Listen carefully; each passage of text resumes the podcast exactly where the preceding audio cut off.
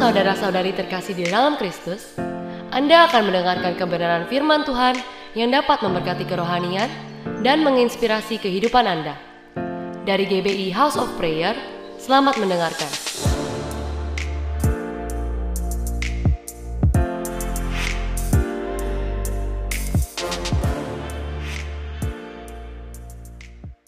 Citanya bagi kita, bayangkan saudara, betapa dahsyatnya kuasa daripada sukacita yang Tuhan berikan pada kita.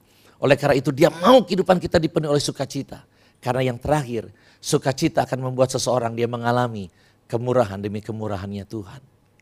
Firman Tuhan berkata Mazmur 37 ayat 4. Dan bergembiralah karena Tuhan, maka ia akan memberikan kepadamu apa yang diinginkan hatimu. Saudara, Tuhan mau kehidupan kita dipenuhi oleh sukacitanya Tuhan. Bahkan saudara sebentar lagi kita akan masuk tahun 2020. Meninggalkan tahun 2019. Tuhan mau kita menyambut tahun yang baru dengan hati yang dipenuhi oleh sukacitanya Tuhan. Sukacita Tuhan membuat kita mengalami kesembuhan. Sukacita Tuhan membuat kita terlindungi. Sukacita Tuhan membuat kita menjadi kuat. Sukacita Tuhan membuat kita mengalami kemurahan demi kemurahan Tuhan. Berapa banyak saudara yang mau di tahun 2020 kita masuki dengan keadaan yang seperti itu. Yang mau katakan amin. Yang mau sungguh-sungguh katakan saya mau. Saya mau. Uh, saudara. Kalau saudara mau, saudara, maka siapkan hati kita untuk terima. Dipenuhi oleh sukacitanya Tuhan. Pemusik tolong uh, boleh bantu saya. Seperti yang tadi saya pesan, tolong maju. Saudara, semalam semalam saya diingatkan sebuah lagu, Saudara. Lagu ini berjudul gini, sukacitanya sukacita Tuhan. Saudara, lagu itu berkata seperti ini, Saudara. Boleh tampilkan, enggak uh, usah tampilkan sayanya, enggak apa-apa uh, PowerPoint aja dan itu. Nah, lagu ini berkata begini, terima sukacita surga, itulah kekuatan bagi jiwa. Saudara, ketika Tuhan ingatkan lagu ini saudara, Tuhan ingatkan begini, ajak nanti besok jemaat itu nyanyi sama-sama. Untuk apa? Untuk melakukan tindakan yang profetik. Memperkatakan iman, bahwa saya terima sukacita yang Tuhan berikan. Sukacita yang menjadi kekuatan bagi jiwa. Yang membuat kita bisa boleh tenang, merasakan kasih Tuhan di tengah badai. Kita bisa dikatakan apa? Dikatakan menaklukkan badai yang bergelora. Tuhan ingatkan, ajak nanti, nyanyikan. Tapi nyanyinya dengan iman. Percaya ketika angkat pujian ini, berkata terima sukacita surga gitu. Betul-betul ketika nyanyi, aminkan bahwa saya terima sukacita itu. Sukacita yang akan datangkan kekuatan. Sukacita yang buat kita terlindungi. Sukacita yang buat kita mengalami kesembuhan. Sukacita yang buat kita mengalami kemurahan Tuhan. Terima itu saudara. Saudara nanti nyanyi, saudara boleh taruh tangan di kepala, enggak juga nggak apa-apa, terserah. Tetapi saya mau ajak untuk nanti kita sebentar nyanyi sama-sama. Dan saya percaya begini saudara. Apa yang kita, ibadah kita hari ini bukan sekedar dengar khotbah. Tetapi ibadah kita hari ini, saudara mengalami impartasi yang datang dari Tuhan sendiri.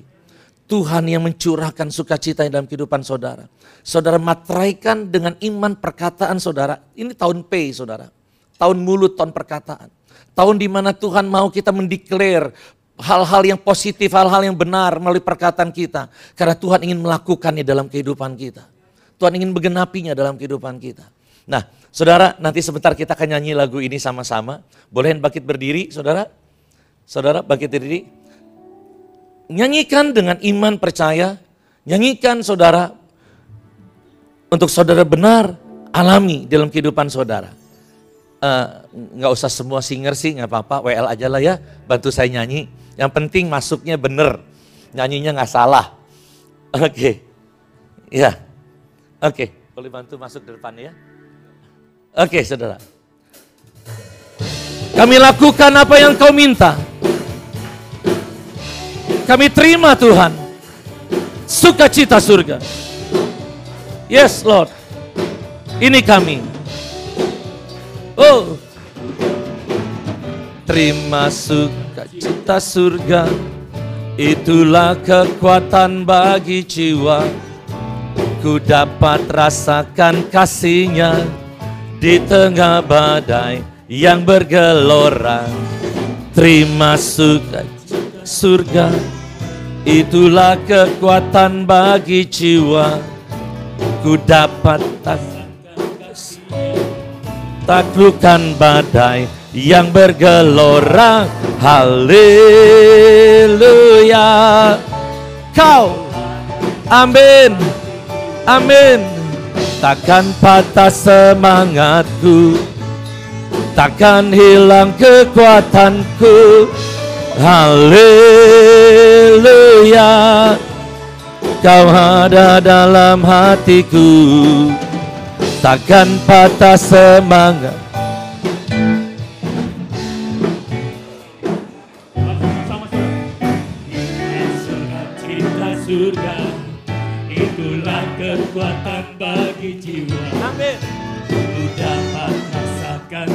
kasihnya Di tengah badai yang ber Mari terima. Terima sukacita surga Itulah kekuatan. Kekuatan bagi jiwa. Ku dapat Ku dapat rasakan kasihnya. Di tengah badai. Mari sama-sama katakan haleluya. Haleluya. Kau ada dalam hati dalam hatiku. Amin Takkan patah semangatku. Takkan hilang kekuatanku.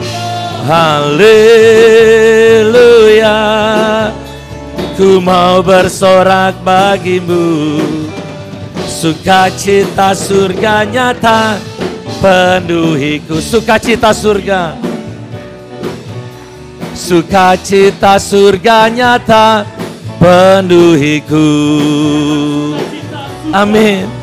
Sukacita surga nyata penuhiku. Haleluya. Haleluya. Terima kasih Tuhan. Kami terima, saya terima sukacita Tuhan melimpah dalam kehidupan saya. Terima kasih Tuhan, materaikan, materaikan apa yang kau sudah berikan. Dan itu terus menjadi penuh di dalam kehidupan setiap kami. Di dalam nama Tuhan Yesus kami berdoa. Amin. Tepuk tangan bagi nama Tuhan. Sukacita Tuhan itu sudah diberikan kepada kita. Ya. Jadi saudara, sukacita Tuhan itu sudah ada di dalam diri kita melalui roh Tuhan yang ada di dalam diri kita. Melalui roh kudus yang dalam diri kita. Nah, tapi begini saudara.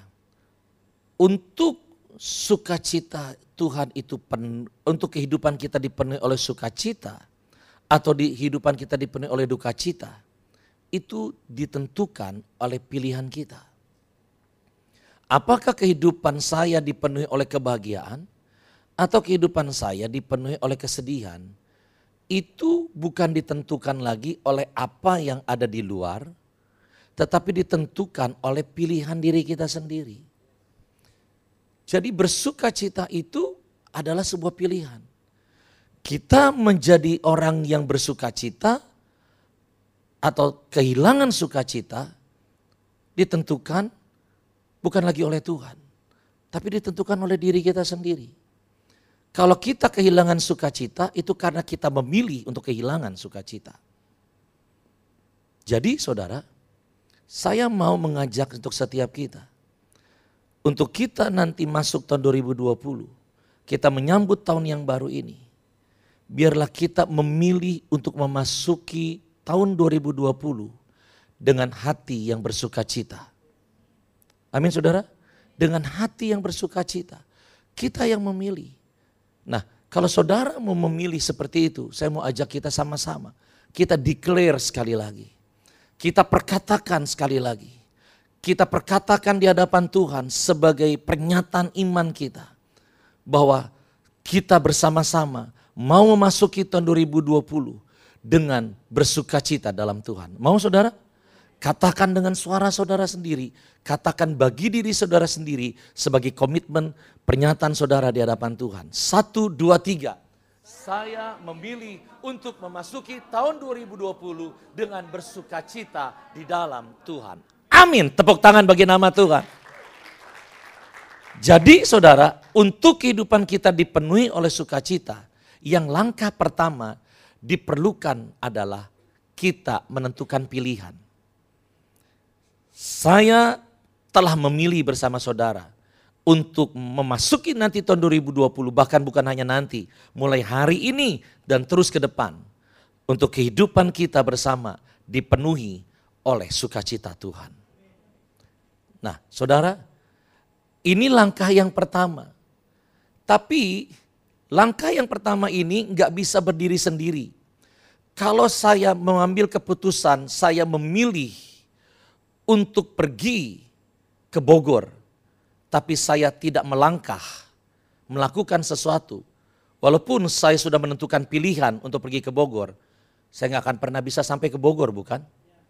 Jadi kalau saya memilih untuk kehidupan saya dipenuhi dengan sukacita Tuhan, sukacitanya sudah ada nih dalam diri kita.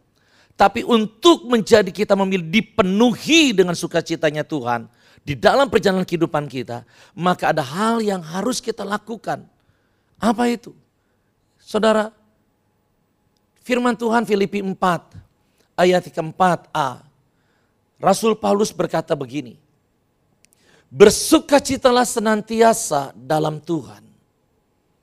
Dengan kata lain, Paulus sedang berkata begini. Bahwa dikatakan begini.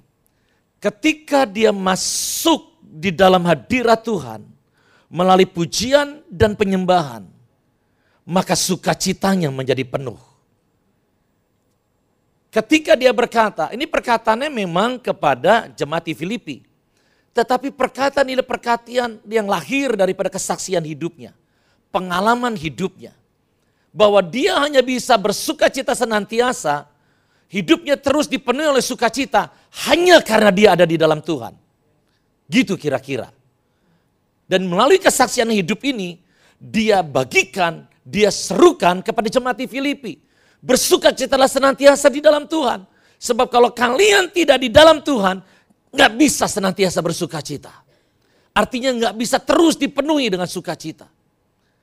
Nah, saudara, Paulus berkata begitu. Ketika dia ada di dalam, ketika dia masuk dalam hadirat Tuhan melalui pujian penyembahan, sukacitanya menjadi penuh. Saudara, oleh karena itu dalam kisah 16 Ketika Paulus dan Silas ada di dalam penjara, yang mereka lakukan di penjara tidak enak saudara.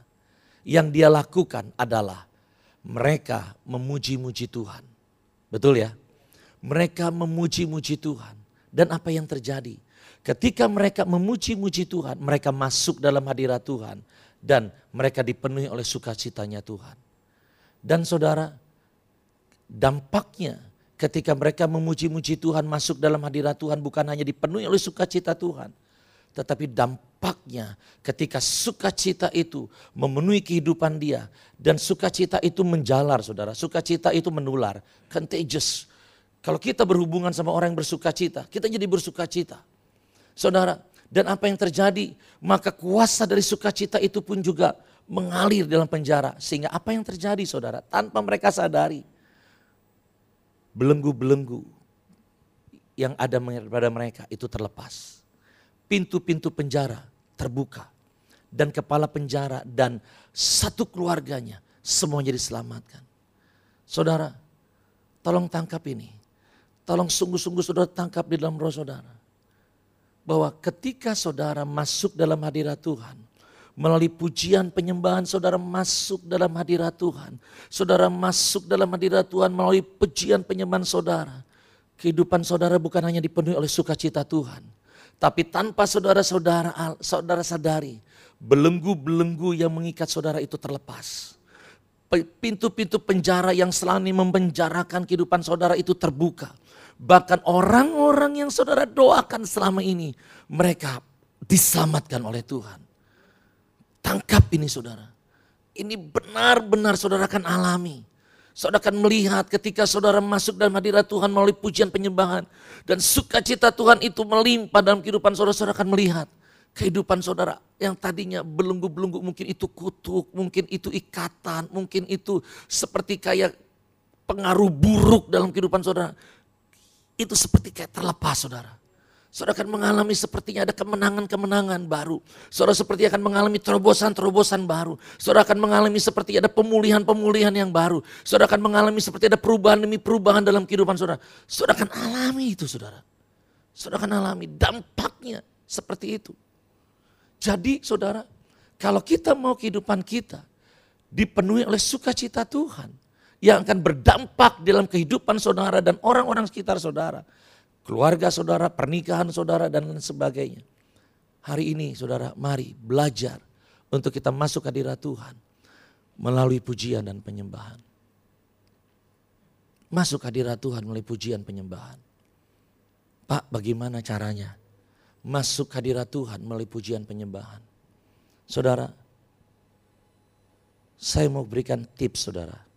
Begini saudara, ketika setiap kali saudara datang beribadah ke gereja, atau ketika setiap kali saudara mau saat teduh di rumah, saudara tipsnya saudara,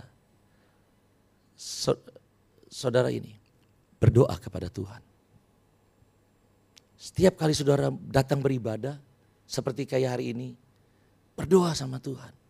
Ketika saudara satu di rumah, ketika saudara mau mulai, berdoa kepada Tuhan. Berdoa seperti apa? Berdoa, Tuhan tolong saya. Agar ketika saya memuji menyembah Tuhan, saya bisa merasakan hadirat Tuhan. Saya bisa merasakan sukacitanya Tuhan. Doa saudara, berdoa. Minta kepada Tuhan. Saudara paham sampai di sini? Berdoa. Saudara, Tuhan ingatkan begini. Tidak semua orang Kristen ketika mereka pergi ke gereja, bahkan ketika mereka pergi pelayanan. Mereka berdoa mempersiapkan hatinya lebih dulu. Tuhan ingatkan kayak gitu. Ada orang-orang Kristen yang mereka pergi ke gereja untuk beribadah sama seperti kayak pergi mau ke mall. Sama kayak pergi mau pergi ke restoran. Pergi-pergi aja. Tidak mempersiapkan hati lebih dulu. Berdoa lebih dulu. Pergi aja. Datang ke gereja seperti datang ke restoran tinggal duduk. Ada nyanyi ikut nyanyi. Ada khotbah dengerin khotbah.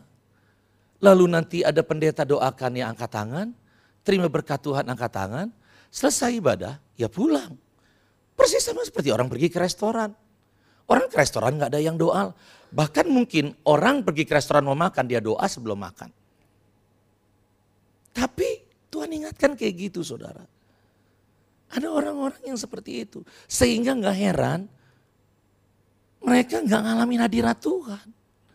Mereka nyanyi sih nyanyi, tapi mereka nggak ngalami hadirat Tuhan. Mereka melayani bahkan, tapi mereka nggak ngalami hadirat Tuhan.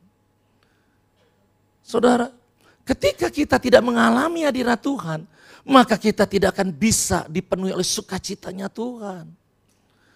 Dan dampak dalam kuasa ibadah menjadi kecil. Kita rajin ke gereja, bukan rajin melayani, tapi dampaknya kecil dalam kehidupan. Saudara, Tuhan ingatkan, kenapa kita harus berdoa? Tolong dengar baik saudara. Ketika kita datang beribadah, kita berdoa kepada Tuhan lebih dulu. Seperti itu mungkin, ini kata-katanya itu bisa diganti-ganti saudara. Tapi ketika kita datang berdoa kepada Tuhan, Tuhan, saya buka hati saya. Saya mau masuk hadirat Tuhan. Tolong saya Tuhan. Bimbing saya ketika saya memuji menyembah Tuhan. Agar saya bisa merasakan engkau Tuhan hadir. Agar aku bisa merasakan sukacita Tuhan. Ketika kita berdoa, sesungguhnya kita sedang mengarahkan hati kita kepada Tuhan. Ketika mungkin kita datang ke gereja apalagi ibadah sore.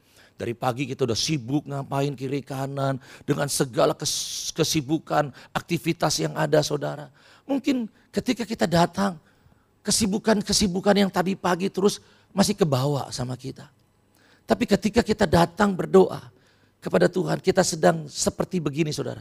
Kita menghentikan semua yang ada di luar tadi. Dan kita berkata Tuhan saat ini adalah hanya untuk engkau dan saya saja. Gitu saudara. Ketika kita datang berdoa sebelum kita beribadah, kita seperti sedang berka, kita sedang lakukan seperti ini saudara. Kita membuka hati kita dan berkata Tuhan, saya undang Tuhan, penuhi hidup saya dengan segala hal yang baik, segala hal yang Tuhan ingin tanam di dalam kehidupan saya. Ketika kita berdoa seperti itu. Jadi saudara hari ini ketika kita dengar firman Tuhan saat ini, saya mau mengajak kita, saya mau saya mau setiap kita bersama-sama bersama dengan saya belajar. Belajar untuk hal-hal yang praktis, Saudara. Kenapa? Tuhan mau kita belajar seperti ini. Karena Tuhan mau kita mengalami hadirat Tuhan. Kita mengalami ibadah, kuasa ibadah di dalam kehidupan kita. Kehidupan yang dipenuhi oleh sukacitanya Tuhan. Yang mengerti sampai di sini katakan amin. Yang kedua tipsnya adalah bagaimana agar kita bisa mengalami hadirat Tuhan melalui pujian penyembahan. Yang kedua lah ini saudara. Resapi, hayati setiap kata-kata yang ada dalam lagu yang kita nyanyikan. Resapi saudara. Hayati. Ketika kita berkata bahwa Tuhan baik, betul-betul kita resapi kebaikan Tuhan. Ketika kita berkata bahwa Tuhan itu dia maha kuasa. Betul-betul kita resapi, kita hayati betul-betul bahwa dia Allah yang maha kuasa. Resapi saudara. Saudara,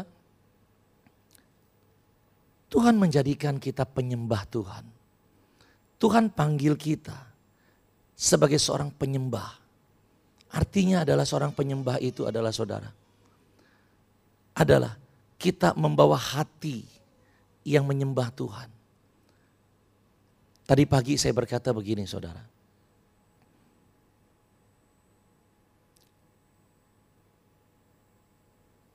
Terkadang kita temukan ada pengamen.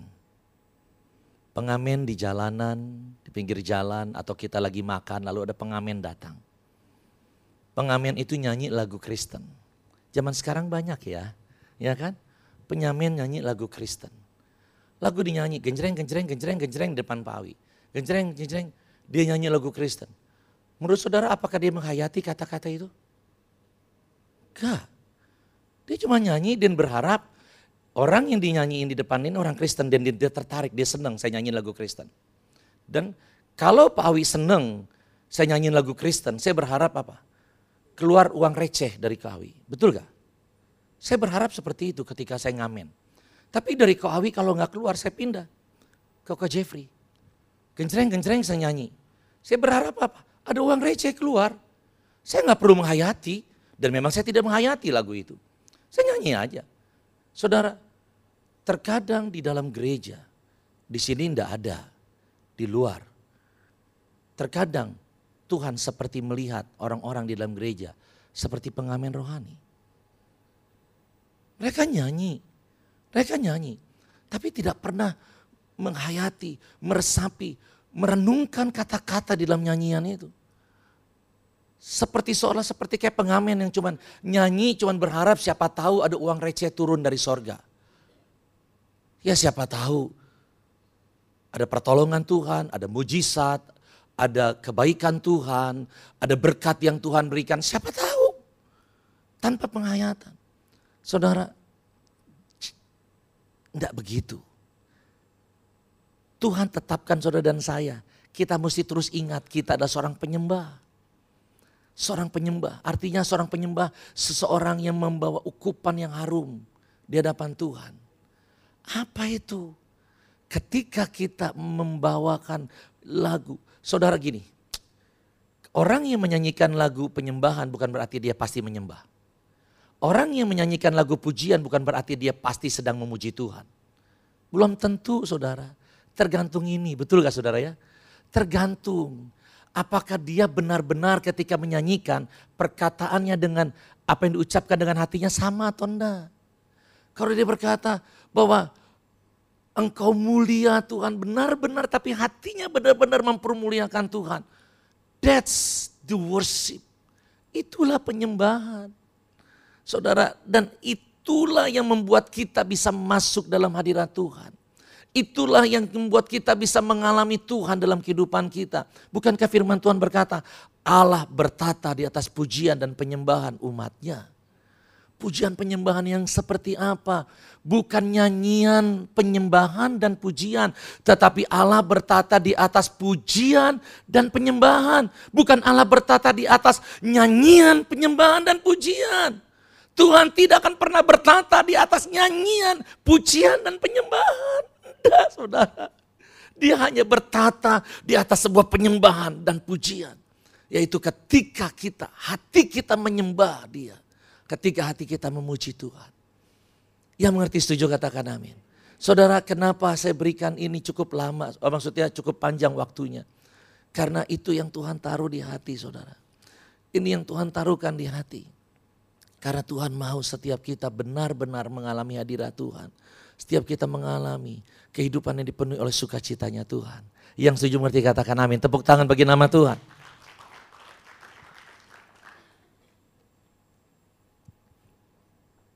Yang selanjutnya saudara, bagaimana agar kehidupan kita dipenuhi oleh hadirat Tuhan? Filipi 1 ayat 18 berkata, tetapi tidak mengapa. Sebab bagaimanapun juga Kristus diberitakan baik dengan baik dengan maksud palsu maupun dengan jujur, tentang hal itu aku bersuka cita. Dan aku akan tetap bersuka cita. Ayat ini berbicara begini saudara. Paulus lagi di penjara, lalu ada orang-orang yang ada di luar penjara, mereka bermaksud jahat terhadap Paulus. Mereka memberitakan Injil dengan dengan harapan supaya Paulus di, penjara semakin menderita, semakin sengsara, semakin dianiaya. Karena semakin banyak yang Injil, uh jadi semakin dia menderita lah Paulus itu di penjara. Nah, saudara Paulus tahu ada orang-orang yang jahat sama dia. Ada orang-orang yang berlaku tidak baik sama dia. Tetapi saudara, firman Tuhan berkata bahwa ternyata Paulus tetap bersuka cita. Dia tidak kehilangan sukacita. Kenapa hatinya bisa terus penuh dengan sukacita? Karena kita lihat perkataan dia. Dia berkata begini, bahwa Paulus mampu untuk berkata tidak mengapa. Paulus berkata tidak apa-apa. Orang berniat jahat sama saya tidak apa-apa. Tidak apa-apa. Asalkan nama Tuhan dipermuliakan. Tidak apa-apa. Dengan kata lain begini, kenapa Paulus bisa tetap bersuka cita? Karena Paulus punya hati yang cincai. Tak taruh cincai ya, cincai. Ya udahlah nggak apa-apalah. Saudara, kita akan bisa menjadi orang yang penuh dengan sukacita. Kalau kita mau belajar menjadi orang yang bisa cincai. Ada orang yang jahat sama kita. Kita berkata ya sudah nggak apa-apalah. Saya ampuni dia. Ada orang yang berkata aduh ini orang nyolotin banget, ngeselin banget. Kita perlu harus belajar berkata, ya udah nggak apa-apa lah. Saya sabarin aja. Saudara, di dalam keluarga, di dalam pernikahan, kalau kita nggak pernah mau belajar untuk bisa cincai, berkata ya udah nggak apa-apa lah. Keluarga kita nggak akan pernah bisa bahagia. Bener gak sih? Nggak akan pernah ada sukacita. Kalau semuanya istilah berkata begini, istilahnya punya mental begini, bokam guan, nggak mau ngalah. Pokoknya gue gak mau, gak mau, gak bisa. Pokoknya gak bisa. Udahlah pak, gak bisa. Udah lama, enggak pokoknya gue gak mau, enggak. Saudara, gak bisa. Gak bisa. Gak bisa penuh sukacita itu keluarga. Betul gak sih saudara? Gak bisa. Saudara, tapi kadang-kadang saya bilang begini waktu saya tadi pagi saya dianterin ke jembatan 5 sampai nganter, saya ngomong sampai nganter saya bilang kayak gini khotbah yang disampaikan sih simple. Kedengarannya gampang. Tapi dilakuin ya kadang-kadang berdarah-darah. Bener. Kadang-kadang nggak sedikit suami itu yang susah banget cincai sama istrinya. Di sini sih nggak ada kelihatan cuma saya doang kelihatannya. Saya bener, saya kadang-kadang saudara saya masih gagal. Kadang-kadang saya masih, kadang-kadang masih kayak gitu. Susah cincai sama istri. Eh tapi kadang-kadang istri-istri juga gitu kan. Ya, kadang-kadang istri-istri juga kayak gitu. Enggak, enggak, enggak. Tapi istri saya sih enggak, dia mau orangnya baik. Dia mau orangnya baik. ya saudara juga baik kok semuanya baik. Kan di sini semuanya baik. Nah saudara, tapi Tuhan mau kita belajar seperti itu. Belajar untuk jangan terus ngepel. Kadang-kadang Tuhan mau kita belajar untuk melepaskan dan mengampuni. Udahlah, udahlah. Kadang-kadang saudara terlalu ngepel, terlalu terlalu keras kayak gitu ya saudara ya nggak bisa cincai saudara. Kadang-kadang itu malah bikin jadi apa ya? Kadang jadi tambah buruk. Kadang jadi tambah buruk. Kadang-kadang bukan hanya jadi datang penyakit. Kadang-kadang mesti datang penyakit kan ya. Gua bisa terima. Gue diperlakukan kayak gitu, gue gak bisa terima tuh orang kayak setan, gue gak bisa terima. Sampai mati di kuburan gue, gue gak bakal lupa. Udah dikubur mati aja mah mungkin dia lupa, eh mungkin dia ingat. Lupa juga, tapi dia ngomongnya pokoknya gue gak bakal bisa. Apalagi kalau namanya ditipu orang. Udah ditipu duitnya saudara, apalagi duit yang ditipu. Kalau ditipu, ditipu bohong-bohongin aja gak apa-apa. Kalau duit yang ditipu, aduh itu lebih berat. Kadang-kadang ya kawawi ya, waduh namanya ditipu orang ya. Waduh ditipu duit, ada orang-orang ini nggak bisa, gue nggak bisa terima. Saudara, gini, gini, gini saudara. Ketika kita, mungkin ketika ada, mungkin saudara ditipu sama orang, duitnya ditipu ya. Jangan cepet-cepet juga bilang gini ya udah nggak apa-apa lah, udahlah cincai lah. Jangan juga. Ya kita perlu ajarin dia juga supaya dia jadi nggak kebiasaan nipu sana nipu sini gitu kan. Kita tetap harus berdoa dong, tetap harus mengusahakan. Betul ya? Tapi kalau sampai kalau sampai or, duitnya nggak bisa balik juga, ya kita harus punya hati yang bisa let go. Ya udahlah, ya udahlah, ya udahlah. Saudara, sebab kalau kita nggak bisa punya hati yang let go, jangan-jangan kita ditipu cepet ya, kita bisa hilang duit gopet ya, saudara. Kenapa si petio yang lain buat apa? Keluar masuk rumah sakit, sakit, bolak balik, stres, ke dokter, belum lagi nanti kalau ada kanker lagi, kemoterapi, waduh menderita. Belum lagi karena stres pikiran, ngejelimet, terus gue gak bisa tidur gara-gara mikirin dia. Gue gak bisa tidur. Akibatnya pekerjaan berantakan, bisnis berantakan, per, jadi stres sama istri juga jadi ribut terus, marah terus. Udah ditipu, duitnya yang lain hancur juga semuanya. Jadi saudara, ayolah. Kalau kita mau menjadi orang yang dipenuhi sukacita Tuhan, belajar berkata, tidak mengapa. Amin saudara. Mau belajar tidak mengapa? Yang mau belajar tidak mengapa boleh angkat tangannya. Yang mau belajar berkata, saya mau belajar tidak mengapa boleh angkat tangannya. Oke, saudara siap ya nanti pulang ya. Kalau ketemu suami, ketemu istri, ketemu anak, ketemu orang tua, ketemu teman. Kalau suatu saat ada orang, ya udahlah cincai. Saya yakin saudara, kalau kita belajar seperti itu, hidup kita jadi lebih bahagia. Hidup kita menjadi lebih penuh sukacita. Penyakit jauh. Oke saudara, yang selanjutnya adalah ini.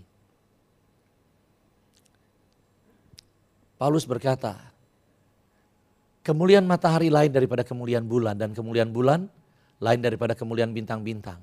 Dan kemuliaan bintang yang satu berbeda dengan kemuliaan bintang yang lain. Melalui ayat firman Tuhan ini Paulus sedang berkata begini. Kalau kita mau hidup kita dipenuhi oleh sukacita Tuhan, jangan pernah bandingkan diri kita dengan orang lain.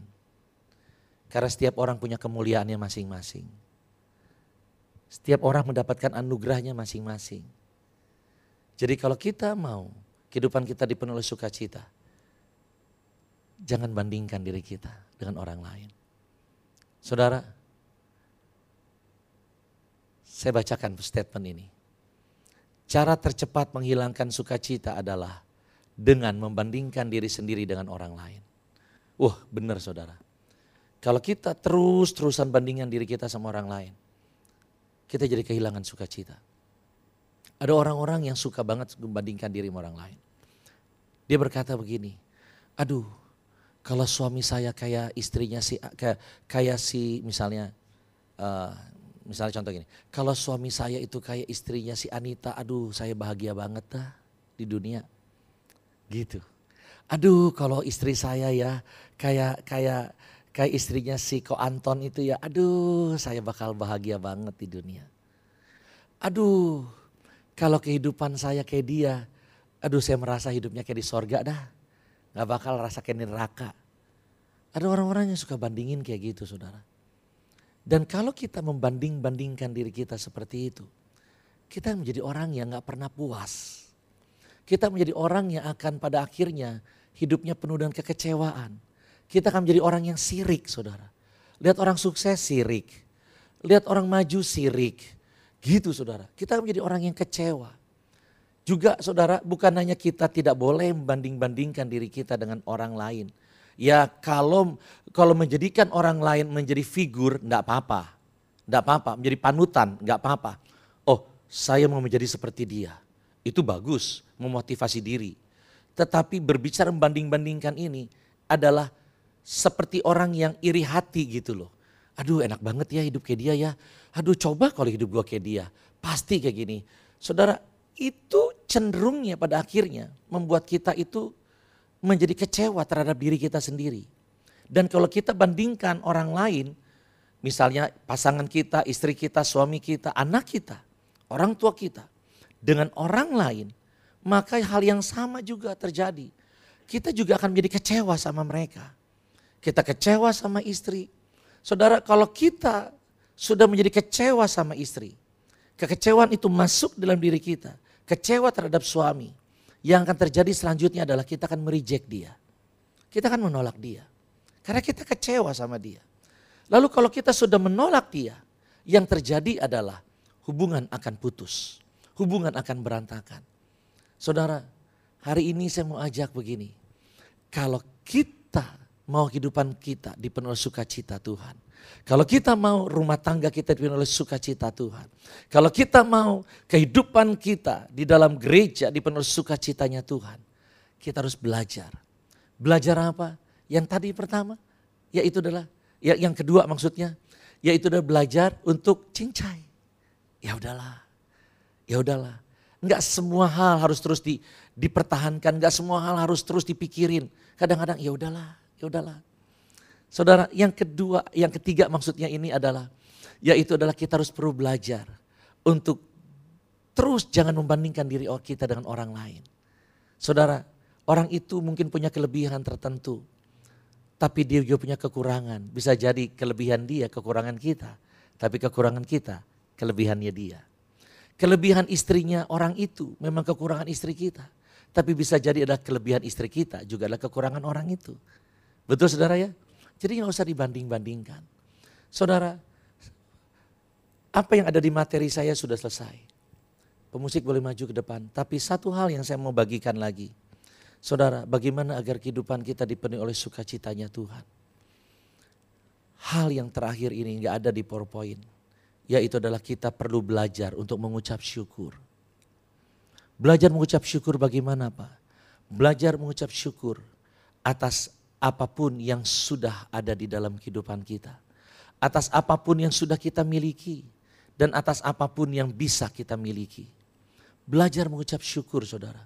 Ketika kita belajar mengucap syukur, maka saudara kehidupan kita akan semakin lebih dipenuhi oleh sukacita Tuhan. Kenapa?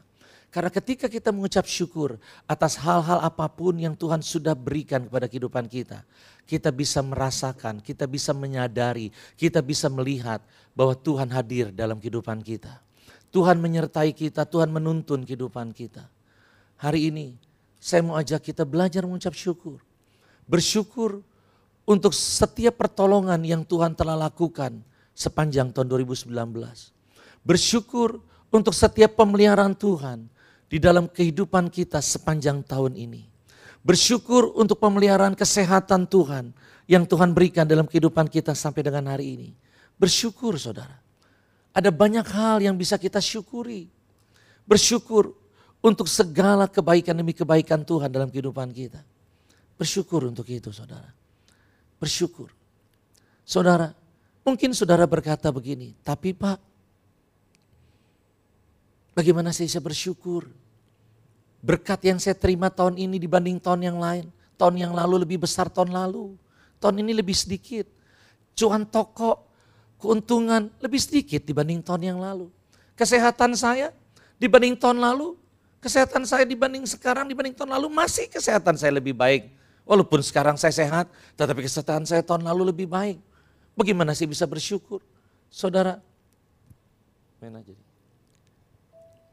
Yohanes 3 ayat yang ke-27 berkata begini.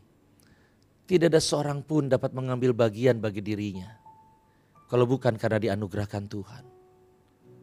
Jadi begini saudara.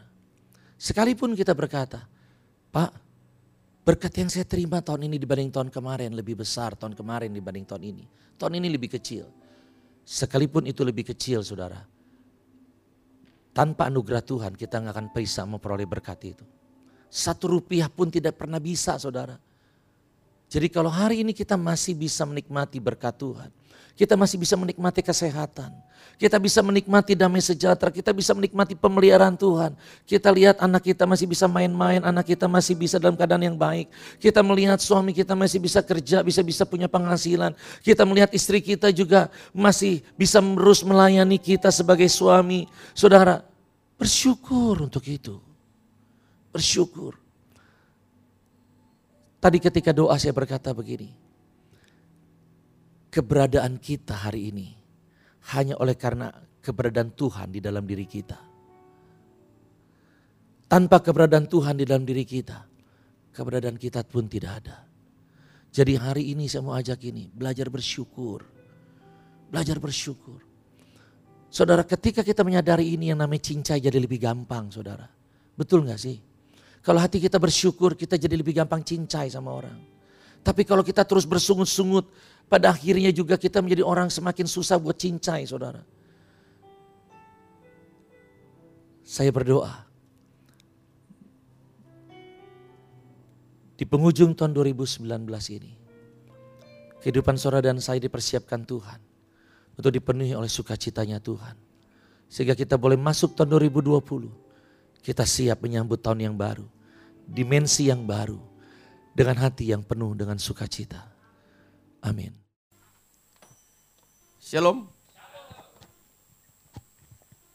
Kenapa saudara kelahiran Yesus itu membawa sebuah berita kegembiraan, rejoice, saudara. Karena sebetulnya saudara pada saat itu orang berpikir bahwa ada pengharapan baru seorang raja yang akan memberi mereka sebuah kemerdekaan, pemulihan dan semuanya.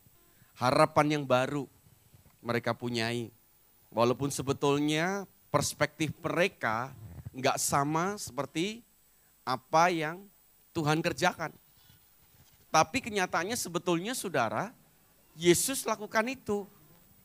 Dia ada, saudara, untuk membawa sebuah kemerdekaan. Dia membuat kita merdeka, saudara. Bahkan dia lahir untuk dia mati dan bangkit. Saudara. Itu sebabnya saya akan berbicara tentang kemerdekaan, Saudara. Di mana Yesus itu memerdekakan kita. Saudara hanya orang yang bergembira, berbahagia dan sukacita hanya mereka yang dimerdekakan. Amin.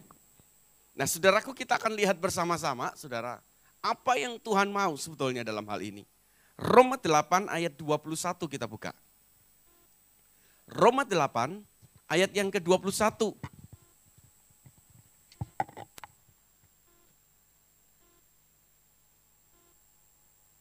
Tetapi dalam pengharapan, karena makhluk itu sendiri juga akan dimerdekakan dari apa? Perbudakan kebinasaan. Dan masuk ke dalam kemerdekaan, kemuliaan anak-anak Allah. Nah, saudara, perhatikan kalimat di sini. Yesus datang ke dunia, memang dia saudara ingin memerdekakan kita dari apa? Perbudakan kebinasaan. Itu sebabnya saudara, siapa pun di antara kita hari-hari ini, saudara kita perlu tahu. Mungkin di tempat ini semuanya sudah sudah merasa dimerdekakan dari perbudakan kebinasaan. Kita sudah nggak ada yang memperbudak dalam kehidupan kita. Kita udah nggak binasa karena Yesus hadir. Dia menyelamatkan kita. Amin. Nah tetapi saudara ada banyak orang terlena. Ada banyak orang saudara berhenti kepada cuman kemerdekaan, perbudakan, kebinasaan. Mereka berpikir mereka udah dimerdekakan dan cukup sampai di situ. Sehingga mereka sudah merasa, oh aku udah menang, saya udah merdeka, saudara. Inilah saudara yang tanpa sadar sering kali berita tentang teologi yang namanya hypergrace itu berhenti di sini sebetulnya. Dia tidak bergerak lagi sebetulnya di sini dikatakan gini. Dan masuk ke dalam apa? Kemerdekaan, kemuliaan anak Allah. Tuhan itu tidak berhenti di awal ini saudara. Makanya saudara, kata kasih karunia itu nggak salah. Tapi penyalahgunaan kasih karunia itu yang membuat saudara orang jadi terlena. Dia pikir, oh saya udah merdeka, selesai di situ. Maka dia bermain-main dengan hidupnya, dia bermain-main dengan dosa. Dia pikir saudara cukup. Padahal tujuan Tuhan bukan itu ternyata. Bukan hanya perbudakan kebinasaan. Tapi Tuhan itu mau bawa kita masuk dalam apa saudara? Kemerdekaan, kemuliaan, anak-anak Allah. Dan proses dari perbudakan kebinasaan dibebaskan masuk ke sini saudara itu proses. Enggak cuman tiba-tiba lompat langsung. Nah teologi mereka saudara yang hypergrace itu merasa gini saudara. Begitu merdeka langsung lompat di kemuliaan. Jadi poinnya di situ saudara. Jadi mereka nggak perlu lewatin ini. Oh, enak banget saudara. Lompat langsung mulia. Nah saudara padahal apa yang dimaksudkan kemerdekaan kemuliaan anak Allah? Kata kemuliaan itu adalah kabot atau bobot. Atau kualitas. Bagaimana bisa orang berkualitas dan tiba-tiba celing berkualitas. Nah itu mimpinya mereka seperti opium. Orang minum ganja, fly. Uh, semuanya udah merdeka. No, mereka harus lewati kemerdekaan, saudara. Karena kata kualitas itu udah bisa dibohongin. Ya, walaupun dunia ini, saudara, tidak mau menghilangkan kata palsu, mengganti kata KW. Jarang orang ngomong palsu, ngomong ini palsu nggak ada. Berarti. Pak ini palsu ya? Bukan Pak, KW. Lo betul nggak ya? Jadi dia tuh berpikir saudara padahal semua barang yang asli itu harus equal dengan kualitas. Harusnya begitu memang. Dia tahu saudara dunia itu. Makanya saudara dia nggak enak. Kalau palsu itu berarti tidak berkualitas. Makanya dia kata ini KW pak. Ya kualitas saudara. Makanya bahasa saudara sekarang muncul barang-barang KW. Satu kali saudara saya pelayanan di Batam dan di Batam itu terkenal dengan barang KW. Lalu saya diajak salah satu anak rohani saya, yes, diajak, mau nggak lihat-lihat barang jam Rolex KW. Loh, saudara yang pengen lihat jam Rolex KW, cari di Batam. Itu surganya KW. Nah tapi saya bukan pencinta jam tangan saudara. Jadi saya cuma penasaran aja. Loh harganya berapa? Ya ini yang menarik saudara. Dari 350 ribu sampai 10 juta. KW. Ya tapi saudara jam Rolex itu harganya berapa? Ada yang tahu jam Rolex harganya berapa? Itu puluhan bahkan sampai satu miliar harganya. Ya. Makanya saudara saya katakan, oh ya ayo lihat kalau ada yang 350 ribu saya mau. Ya, saya katakan begitu nggak apa-apa pokoknya. Kadang, walaupun kadang banyak orang itu asli atau palsu kan bukan dilihat dari jamnya. Dilihat dari siapa yang pakai, betul nggak? Serius, saudara satu kali waktu saya masih di Betani ya. Saya lagi duduk ngobrol dengan Pak Abraham Alex Tanu Seputra sama rame-rame pekerja dan dia ini habis ulang tahun. Ada orang yang ngadu dia jam Rolex. Lah karena mungkin dia ini, beliau ini suka jam, jadi tahu kalau itu KW. Terus dia cerita ke teman-teman, ini KW, dia pakai sih. Percaya nggak di ruangan itu tidak ada satupun yang percaya kalau itu KW. Enggak loh, ini KW. Enggak mungkin Pak itu KW. Enggak percaya tuh mereka semua kasih tahu KW. Lihat ini, lihat ini. Enggak Pak, itu pasti asli. Tapi seandainya ada orang ngasih saya asli, saya pakai, dipikir KW loh saudara. Iya kan, enggak ada yang percaya itu itu asli. Kadang-kadang orang tuh lihat apa yang siapa yang pakai. Ya karena orang tersebut nggak tahu jam. Saudara tapi saudara kualitas itu nggak bisa dibohongin. Setelah saya beli, saya beli jam Rolex 350 ribu. Saya dengan Angga waktu itu beli, berdua saudara. Sama-sama harganya 350 ribu, tapi modelnya beda. Kami bawa pulang ke Surabaya, Belum kami pakai, rusak saudara. Saya pikir baterainya habis, saya bawa tukang jam pak. Ini nggak bisa pak, dirusak. Nah, terus mau apa? Mau marah. Rolex 350 ribu mau marah. Terus saya mau kembali ke sana, biayanya lebih mahal saudara tiketnya. Jadi terima dengan sukacita. Rejoice. saudara, terima dengan sukacita bahwa saya pernah punya jam Rolex KW dan tidak sempat pakai, rusak. Itulah kata kualitas. Dan saya mau beritahu saudara, Tuhan itu mau bawa kita ke sana. Karena saudara inilah yang akan menjawab di kitab Roma yang sama berkata, segala makhluk menantikan anak-anak Allah untuk dinyatakan. Bagaimana bisa saudara dinyatakan segala makhluk menantikan kalau kita tidak penuh dengan kualitas hidup kita? Saya nggak percaya loh Bapak Ibu. Orang yang rohani tapi tidak berkualitas saya nggak percaya. Kalau orang semakin rohani, harusnya semakin berkualitas. Tanya kiri kanan, kamu berkualitas nggak? Tanya gitu saudara. Kalau dia pede, berkualitas. Kok saya nggak lihat kamu rohani ya lu, saudara? Iya kan? Orang semakin rohani semakin berkualitas hidupnya.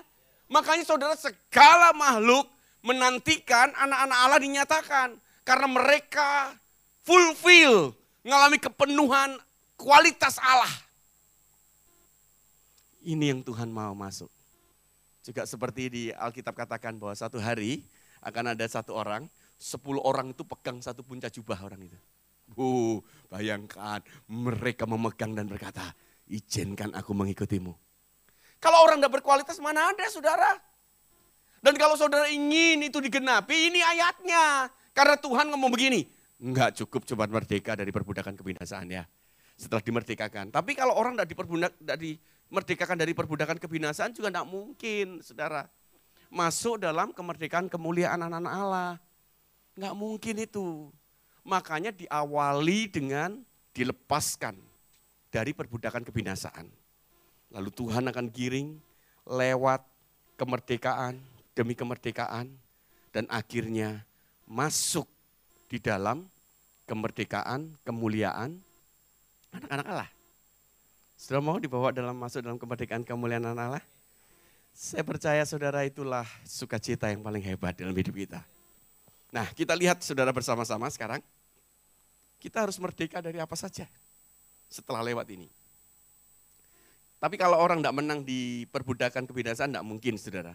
Ini ini sequential. Jadi saudara harus ini awal dulu, harus urut. Setelah itu saudara harus merdeka di area ini. Merdeka lagi, merdeka. Dan satu kali engkau akan masuk dalam kepenuhan kemuliaan Allah.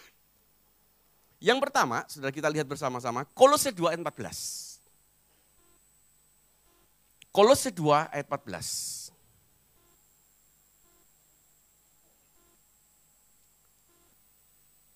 dengan menghapuskan surat hutang yang oleh ketentuan-ketentuan hukum mendakwa dan mengancam kita dan itu ditiadakannya dengan memakukannya pada kayu salib.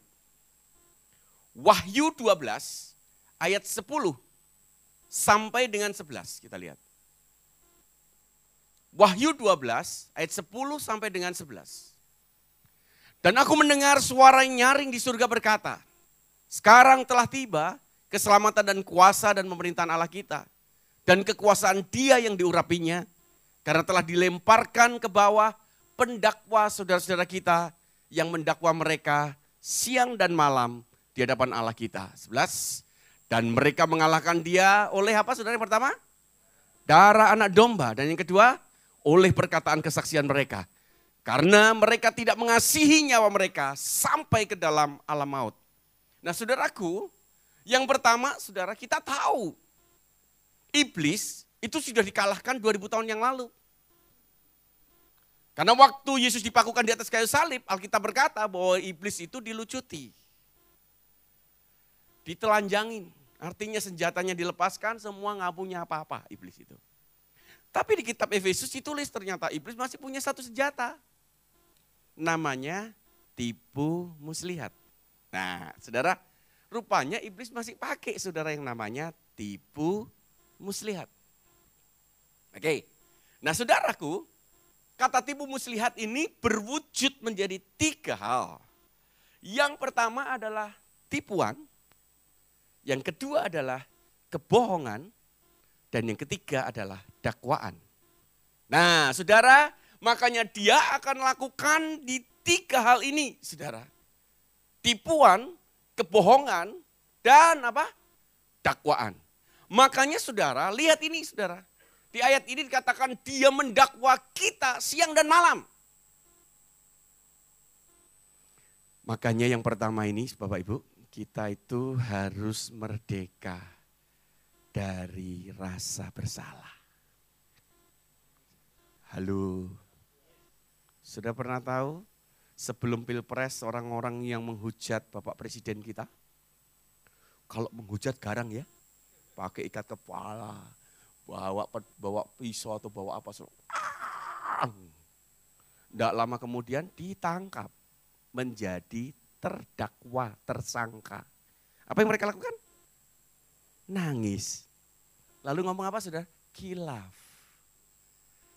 Saudara, uh, sebelumnya aja garang saudara. Makanya orang bikin meme-meme itu ya saudara. Sebelum ditangkap saudara mereka kalau teriak seperti singa. Begitu ditangkap kayak kucing.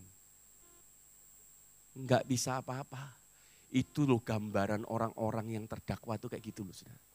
Orang yang tidak merdeka dari rasa bersalah saudara. Apa sih yang terjadi dengan orang-orang yang enggak merdeka dari rasa bersalah saudara? Sebetulnya apa yang iblis kejar? Apa hanya cuma memunculkan supaya kita rasa bersalah? No, bukan itu saudara. Saya mau beritahu di balik ujung itu saudara ternyata orang yang nggak merdeka dari rasa bersalah, orang tersebut nggak berani dan lantang bicara kebenaran.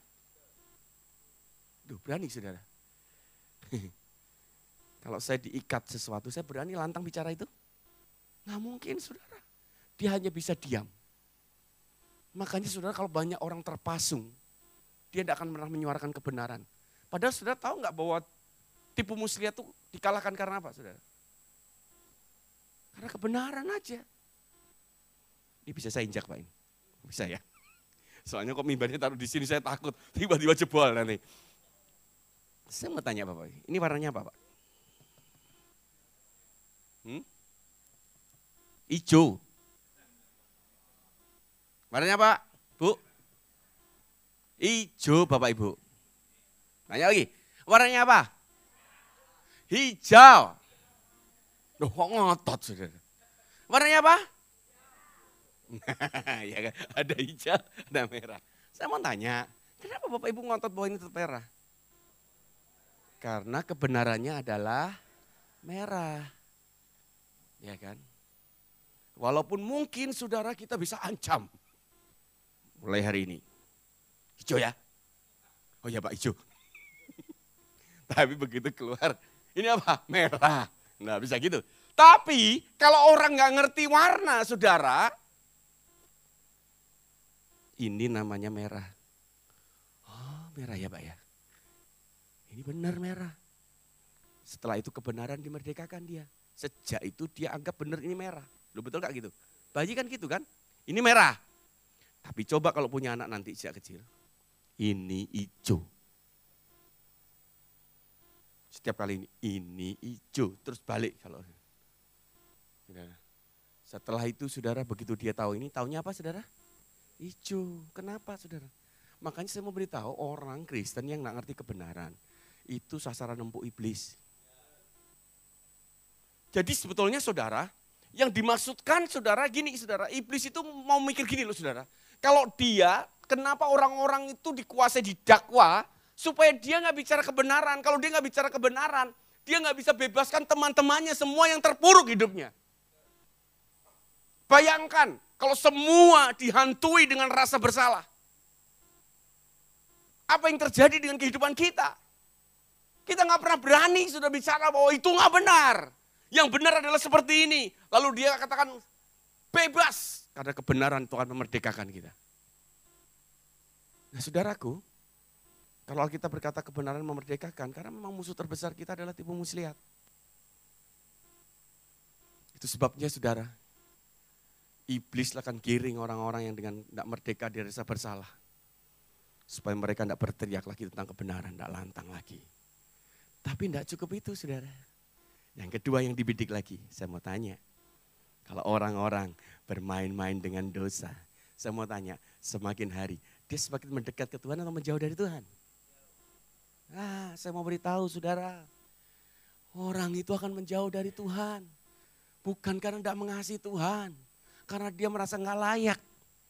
Makanya dia menjauh. Saudara tahu apa yang terjadi kalau orang menjauh dari Tuhan? Dia akan mengalami kekeringan rohani. Mana bisa saudara kita melakukan sesuatu yang jauh dari Tuhan.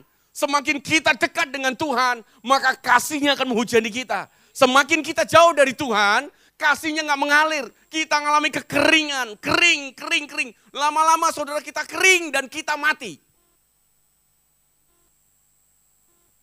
Tapi kalau kita tahu kebenarannya, begitu engkau jatuh dalam dosa, bertobat, dan datanglah kepada Tuhan. Lalu saudara jatuh lagi. Datanglah kepada Tuhan. Malah mendekatlah ke Tuhan. Maka engkau akan dibebaskan. Bukan terus saudara bermain-main sambil mendekat. Itu orang nggak tahu diri saudara. Allah pasti Tuhan ngampuni. Eh saudara kalau hati nurani mereka hidup nggak mungkin loh saudara. Iblis itu sudah survei berpuluh ribuan tahun itu. Manusia ini, oh ini memang manusia satu ini. Dia udah nggak anggap Tuhan berarti. Kalau dia betul-betul nganggap Tuhan, saudara enggak usah dengan Tuhan, dengan manusia aja loh saudara. Kalau saudara melakukan kesalahan yang sama, saudara nggak sungkan kah? Ya, saudara datang terus narik diri, saudara. Itu kesalahan iblis. Diharapkan dia akan terus menjauh, menjauh dan menjauh dan menjauh. Begitu menjauh, kering. Enggak cuma itu lagi saudara. Dia harapkan saudara, bahwa orang tersebut saudara juga akan gini, orang kalau dia hidup dalam dosa biasanya mendekati komunitas atau menjauhi komunitas. Menjauh juga. Ini loh saudara, orang yang terdakwa itu ini loh masalahnya. Dia menjauh dari Tuhan dan menjauh dari komunitas. Mereka menjauh dari live. Mereka udah gak muncul lagi. Ya saudara jangan dihakimi lagi tuh. Saudara mesti tarik dia. Ayo kamu datang. Kami terima kamu apa adanya, enggak usah takut. Saudara karena begitu dia hilang, saudara itu sasaran empuk iblis. Saudara pernah lihat Nat Wild kalau di TV cable saudara atau entah apa Discovery atau Animal. Sudah lihat ya, singa semua itu kalau lagi misalkan dia mau kejar yang namanya zebra. Itu kalau zebra itu berkoloni, ngumpul banyak. Nggak berani dia masuk nerobos di tengah-tengah, betul nggak? Pernah nggak? Dia cuma diam aja ditunggu. Nggak mungkin kalau sampai dia masuk saudara di tengah-tengah, lalu dia diinjek-injek mati dia. Dia biasanya nunggu saudara, tunggu sampai ada satu meninggalkan koloninya. Satu yang tiba-tiba agak sedikit menjauh. Begitu sedikit menjauh, dia bukan terjang masuk di komunitas itu dia sengaja giring yang satu itu meninggalkan. Setelah meninggalkan sendiri, tiba-tiba muncul teman-temannya dari tempat lain. Habislah dia. Iblis itu takut dengan yang namanya komunitas. Maka dia mau giring kita keluar dari komunitas. Makanya saya mau beritahu kalau saudara hidup di dalam life, engkau berkemenangan dalam hidupmu. Dia nggak berani. Dia harapkan kita menjauh. Makanya Alkitab berkata gini, jangan takut hai engkau kawanan kecil, karena Bapa mempercayakan kerajaan itu kepadamu. Oh saudara, berarti saudara iblis itu sudah nggak berani kalau orang itu ada di komunitas bersama-sama. Begitu ada yang lemah, satu menguatkan. Saudara, dia itu lagi nunggu, ayo jauh nggak usah datang lagi ya. Jauh, jauh dari Tuhan, jauh dari komunitas. Dan tiba-tiba saudara, dia kiring dan hancurkan dia. Itu sebabnya saudara, saya mau beritahu Bapak Ibu. Hati-hati. Tapi rupanya juga ada maksud yang selanjutnya yang keempat. Apa saudara kok dihantui dengan rasa bersalah? Rupanya orang yang tidak merasakan penuh pengampunan Tuhan, itu punya dampak. Walaupun dia tahu dia diampuni loh padahal. Tapi dia tidak rasakan itu. Biasanya juga sulit mengampuni orang lain. Pernah lihat ilustrasi di Alkitab yang menceritakan seseorang yang berutang 10 ribu talenta? Dia minta untuk diampuni 10 ribu talenta dan dia dibebaskan. Dan waktu dia mau pulang, ketemulah orang yang utang dia 100 dinar. Apa yang dilakukan saudara? Dia katakan bayar utangmu. Begitu raja dengar, panggil pasukannya, tangkap dia, bawa algojo, disiksa sampai dia lunasin utang. Saudara tahu enggak Bapak Ibu? Satu talenta itu 6 ribu dinar. Berarti saudara, 10 ribu talenta itu berapa? Berarti berapa saudara? Berapa dinar? 6 ribu kali 10 ribu berarti 60 juta dinar. Bayangkan 60 juta dibanding dengan 100 loh saudara.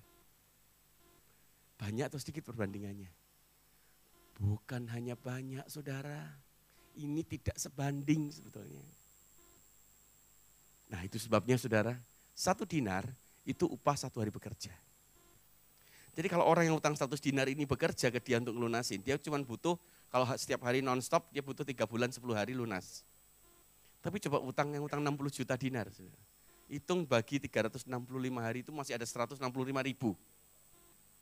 Sudah tahu umurnya berapa itu? Artinya apa saudara? Orang ini akan membusuk di penjara sampai mati. Dan disiksa seumur hidup.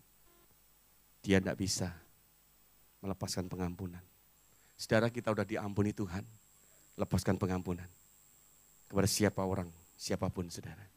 Maka kita akan mengalami rejoice, kemerdekaan, kegembiraan saudara yang luar biasa. Ketika kita merdeka dari rasa bersalah. Makanya orang kalau begitu, ini kecuali koruptor ya saudara. Sudah pakai rompi orangnya masih bisa dada-dada sambil tersenyum. Ini ini ini lain, orang terdakwa yang lainnya nggak kayak gitu saudara. Kalau saudara mereka dibebaskan, mereka akan mengalami sukacita yang luar biasa dalam hidupnya. Hiduplah dalam sebuah kemerdekaan. Amin. Merdeka dari rasa bersalah. Itu yang pertama. Yang kedua, coba kita lihat bersama-sama. Saudara, kenapa tadi dikatakan bahwa mereka mengalahkan dengan darah anak domba dan oleh kesaksian? Karena saudara, darah anak domba inilah yang mematahkan apa pun. Saudara kita datang kepada Tuhan bukan karena apa pun, karena darah anak domba, saudara. Jadi Bapak itu cuma lihat darah anak domba. Gak lihat apa pun. Jadi kalau saudara datang harus percaya diri. Bukan karena saudara, tapi karena Yesus yang sudah mati buat saudara dan saya. Itu aja. Ya.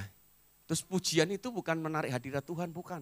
Kita masuk hadirat Tuhan karena darah anak domba dengan membawa pujian. Nah, ini terbalik loh saudara kalau orang merasa bahwa pujian itulah yang menghadirkan. No, no, no, enggak. Saudara baca, masuk ke gerbangnya dengan membawa apa? Pujian loh saudara. Masuknya itu bukan karena pujian. Masuknya karena darah anak domba. Tapi dengan membawa apa saudara? Pujian. Ini harusnya beda dong. Saudara, saya memuji. Bagaimana saya bisa memuji Pak David kalau saya nggak ngalami sesuatu dengan Pak David? Bisa saudara? Kenapa ada orang kalau memuji Tuhan cuma gini aja? Karena dia tidak rasakan apa pun dari Tuhan. Tapi kalau Pak David sering tolong saya, Bahkan dia selamatkan hidup saya. Saya tidak usah dipaksa. Maka saya ketika ketemu Pak David, saya memuji dia. Pujian itu akibat, bukan sebab. Saya memuji dia, bahkan saya rela berlutut di bawah kakinya karena dia pernah menyelamatkan hidup saya. Dengan kerelaan, dengan sukacita. Makanya cara kita memandang pujian harus berubah sekarang. Saudara memuji di tempat ini karena saudara sudah diselamatkan. Engkau memuji di tempat ini karena Tuhan sudah berbuat baik. Engkau memuji di tempat ini boleh masuk dalam hadirat Tuhan karena darah anak domba. Amin. Bawalah pujian.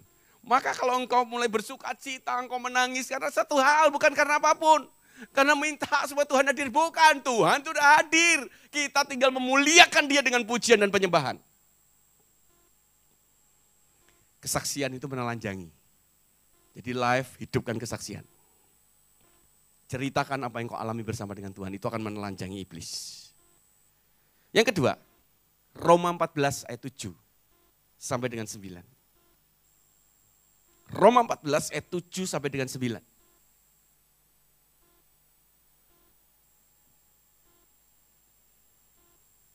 Kita kalau nggak merdeka di yang pertama rasa bersalah, kita nggak mungkin merdeka lagi dengan yang ini. Saudara. Ini nggak bisa, saudara.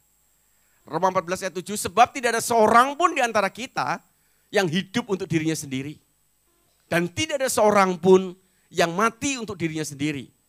Ayat 8, sebab jika kita hidup, kita hidup untuk Tuhan. Dan jika kita mati, kita mati untuk Tuhan. Jadi baik hidup atau mati, kita adalah milik Tuhan. Sembilan. Sebab untuk itulah Kristus telah mati dan hidup kembali. Supaya ia menjadi Tuhan baik atas orang-orang mati maupun atas orang-orang hidup. Saudaraku, inilah saudara yang kedua. Kita ini harus merdeka dari hidup untuk diri sendiri. Nah orang yang dihantui rasa bersalah tidak bisa. Karena dia akan cenderung mengasihani diri sendiri terus. Enggak bisa saudara dia berbagi dengan orang lain. Dia nggak mungkin saudara bisa merdeka dari hidup untuk diri sendiri. Padahal menurut saya inilah ciri kekristenan. Orang yang udah percaya Yesus, harusnya dia mengalami shifting pergeseran. Dari dulunya hidup untuk diri sendiri, sekarang hidup untuk Tuhan. Dan hidup untuk sesama. Amin. Lihat ayatnya jelas saudara. Kenapa Yesus mati? Supaya dia jadi Tuhan. Bukan yang lain-lainnya saudara. Supaya dia bisa memerintah. Saudara, saya ini saya belum selesai, saya baru renungkan sesuatu dengan kata ikatan, saya mau beritahu. Saudara, kalau kita selalu berkata ikatan, kita lepaskan ikatan, selalu bicara setan. Tapi tahukah saudara bahwa Tuhan juga concern sekali dengan kata ikatan? Dia mengikat kita dengan perjanjiannya. Sudah tahu? Kenapa orang gampang terikat dengan yang lain? Karena dia tidak pernah mengikatkan dirinya dengan Tuhan. Alkitab berkata, jika kamu mengikatkan dirimu dengan Tuhan, maka engkau menjadi satu roh dengan dia. Bedanya gini saudara, iblis itu berusaha mengikat. Nah ini bedanya saudara. Tapi Tuhan memberikan dirinya untuk kita ikatkan hidup kita dengan dia. Tuhan tidak pernah paksa. Makanya dia ngomongnya, aku mau jadi Tuhan. Tapi apakah Tuhan bisa paksa kita? Enggak. Dia cuma ngomong gini, harapan Tuhan adalah kita datang kepada dia. Ya Tuhan, kamu jadi kurios penguasaku sekarang. Aku memberikan hidupku untuk terikat dengan engkau. Saudara, kalau kita sudah terikat dengan Tuhan, tidak ada siapa pun yang bisa mengikat kita lagi. Kalau sampai saudara, kita ketakutan terikat sana sini karena kita belum terikat dengan siapa pun. Loh, bukankah pernikahan adalah ikatan? Makanya saudara kalau saudara sudah merasa terikat, jangan ikat yang lain-lain, maksudnya gitu. Dan yang lainnya jangan berusaha mengikat. Saudara tidak akan lepas kalau tahu tahu itu adalah ikatan. Begitu saudara pengen lepas, gak bisa, aku udah terikat. Terikat dengan suamimu, dengan istrimu, dan dengan Tuhan. Makanya Tuhan itu pemegang janji, covenant. Tuhan itu akan mengikat kita karena bukan Tuhan berusaha mengikat kita. Tapi Tuhan senang dengan orang-orang yang mengikatkan diri dengan dia karena akan menjadi satu roh dengan dia. Itu sebabnya saudara, Ketika dia mati, dia cuma minta satu, aku mau jadi Tuhan dalam hidupmu mulai hari. Nah sayangnya banyak orang nggak tahu, saudara. Dia pikir setelah merdeka, dia mau merdeka untuk hidupnya untuk diri sendiri. Nah, saya memberitahu hari ini, kita harus merdeka dari hidup untuk diri sendiri. Bagaimana caranya? Belajarlah berbagi, Bapak Ibu. Mulai sekarang belajarlah berbagi. Kalau punya sesuatu, bagikan ke yang lain. Apa itu sesuatu? Apa pun. Kalau saudara terima kebenaran, bagikan kepada siapa pun. Oh, berarti kalau orang yang mentalitasnya suka berbagi, nggak usah disuruh bersaksi, ke mana pun dia akan bersaksi. Saya mau bagikan kisah saya dengan Tuhan. Oh, harusnya semangat orang berbagi, saudara. Kalau saya lagi kumpul bareng-bareng dan tiba-tiba ada orang, ini kan anak muda, saudara, duduk gitu sama membawa snacknya dia sendirian makan. Oh, saudara saya langsung pelototi dia. Kalau mau makan sendiri, makan di kamar mandi. Harus belajar dong. Kecuali yang bekas-bekasnya dia, sudah kayak minuman kan enggak bisa. Kalau makanan ini, ya puterlah, belajarlah berbagi. Nah tapi kalau diputer karena banyak orang habis, ya sudah siaplah begitu. Loh iya dong, masa saudara makan-makan sendiri, terus gini, mau enggak? Ini dipegang terus mau? Oh enggak mau ya? Ah, ya. mau, mau, mau, mau, mau, mau. Oh enggak mau semua? Iya, iya, ya, puji Tuhan. Makan saudara. Ini orang ini, saudara. Belajar berbagi, apa pun yang kita punyai. Saya itu di kantor saya itu berlimpah teh dan kopi, saudara. Kok bisa begitu? Karena saya nggak tahu, saudara. Mungkin orang-orang itu berpikir karena ya memang, saudara. Saya pecinta kopi dan ada teh. Sehingga orang-orang mungkin kalau pergi, saudara, oleh-olehnya selalu kopi dan teh. Kenapa kok bisa begitu, saudara? Karena setiap kali kalau sore lagi minum kopi, saya tawani, ayo siapa mau minum kopi, ayo siapa mau minum teh. Breng, saudara. Langsung, ayo teh. Teh bareng yuk, saudara. Lah dari situ mungkin tersebar ya. Jadi kalau orang bingung pulang dari mana, jadi saya punya teh dari Cina, dari Taiwan, dari Turki, uh, macam-macam saudara. Datang semuanya. Nah, tapi kalau seperti itu dimakan sendiri saudara, ya rusak semua saudara. Kopi juga begitu. Kopi saudara, aduh dah dari Papua, dari mana-mana saudara kopi itu. Kalau kopi itu dari Indonesia yang paling enak. Itu datang, saudara, sudah bagi saudara, yo bagi, bawa, sudah yo minum semua, taruh minum bareng-bareng. Kalau enggak gitu rusak semuanya. Percayalah saudara, ketika engkau berbagi, maka engkau akan terus menerima. Semakin mengalir, lepaskan lagi, amin. Terus lepaskan, orang nggak mau berbagi untuk dirinya sendiri, siapa yang mau kasih? Apa pun saudara, engkau dapat ilmu. Hei kalau engkau nggak mau berbagi, kau pikir ilmu akan hebat? Orang-orang yang nggak mau berbagi itu ilmunya udah nggak up to date lagi, kuno. Kalau orang lepaskan, dia dapat hal yang baru dari Tuhan belajar berbagi. Kedua, belajar memberi. saudara, kalau memberi betul-betul kita belajar melepaskan sesuatu, saudara. Ya kan? Ini dua hal ini ya mengalahkan yang namanya satu, saudara. Ini musuh bebuyutan yang paling ngeri. Orang bisa berkata roh, tapi menurut saya ini bukan roh, tapi mental yang namanya pelit. Karena ini tidak bisa ditengking, saudara ini. Bahagia ya kalau kita bisa tengking ya. Saya tantang siapa yang pelit maju ke depan. Kita tengking bersama-sama. Roh pelit dalam nama Yesus pergi. Saudara keluar jadi murah hati. Uh enak ya. Ternyata enggak juga. Rupanya pelit ini menghimpit orang bertahun-tahun. Berpuluh-puluh tahun. Saudara, kalau engkau pelit terhadap sesuatu, maka engkau pasti pelit dengan yang lainnya. Kau kalau engkau pelit, tidak mau memberi, biasanya engkau pelit dengan waktumu. Engkau pelit dengan kekuatanmu. Engkau pelit dengan pikiranmu.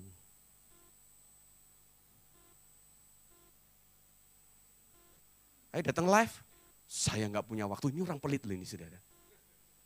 Tapi kalau untuk dirinya, dia selalu punya waktu.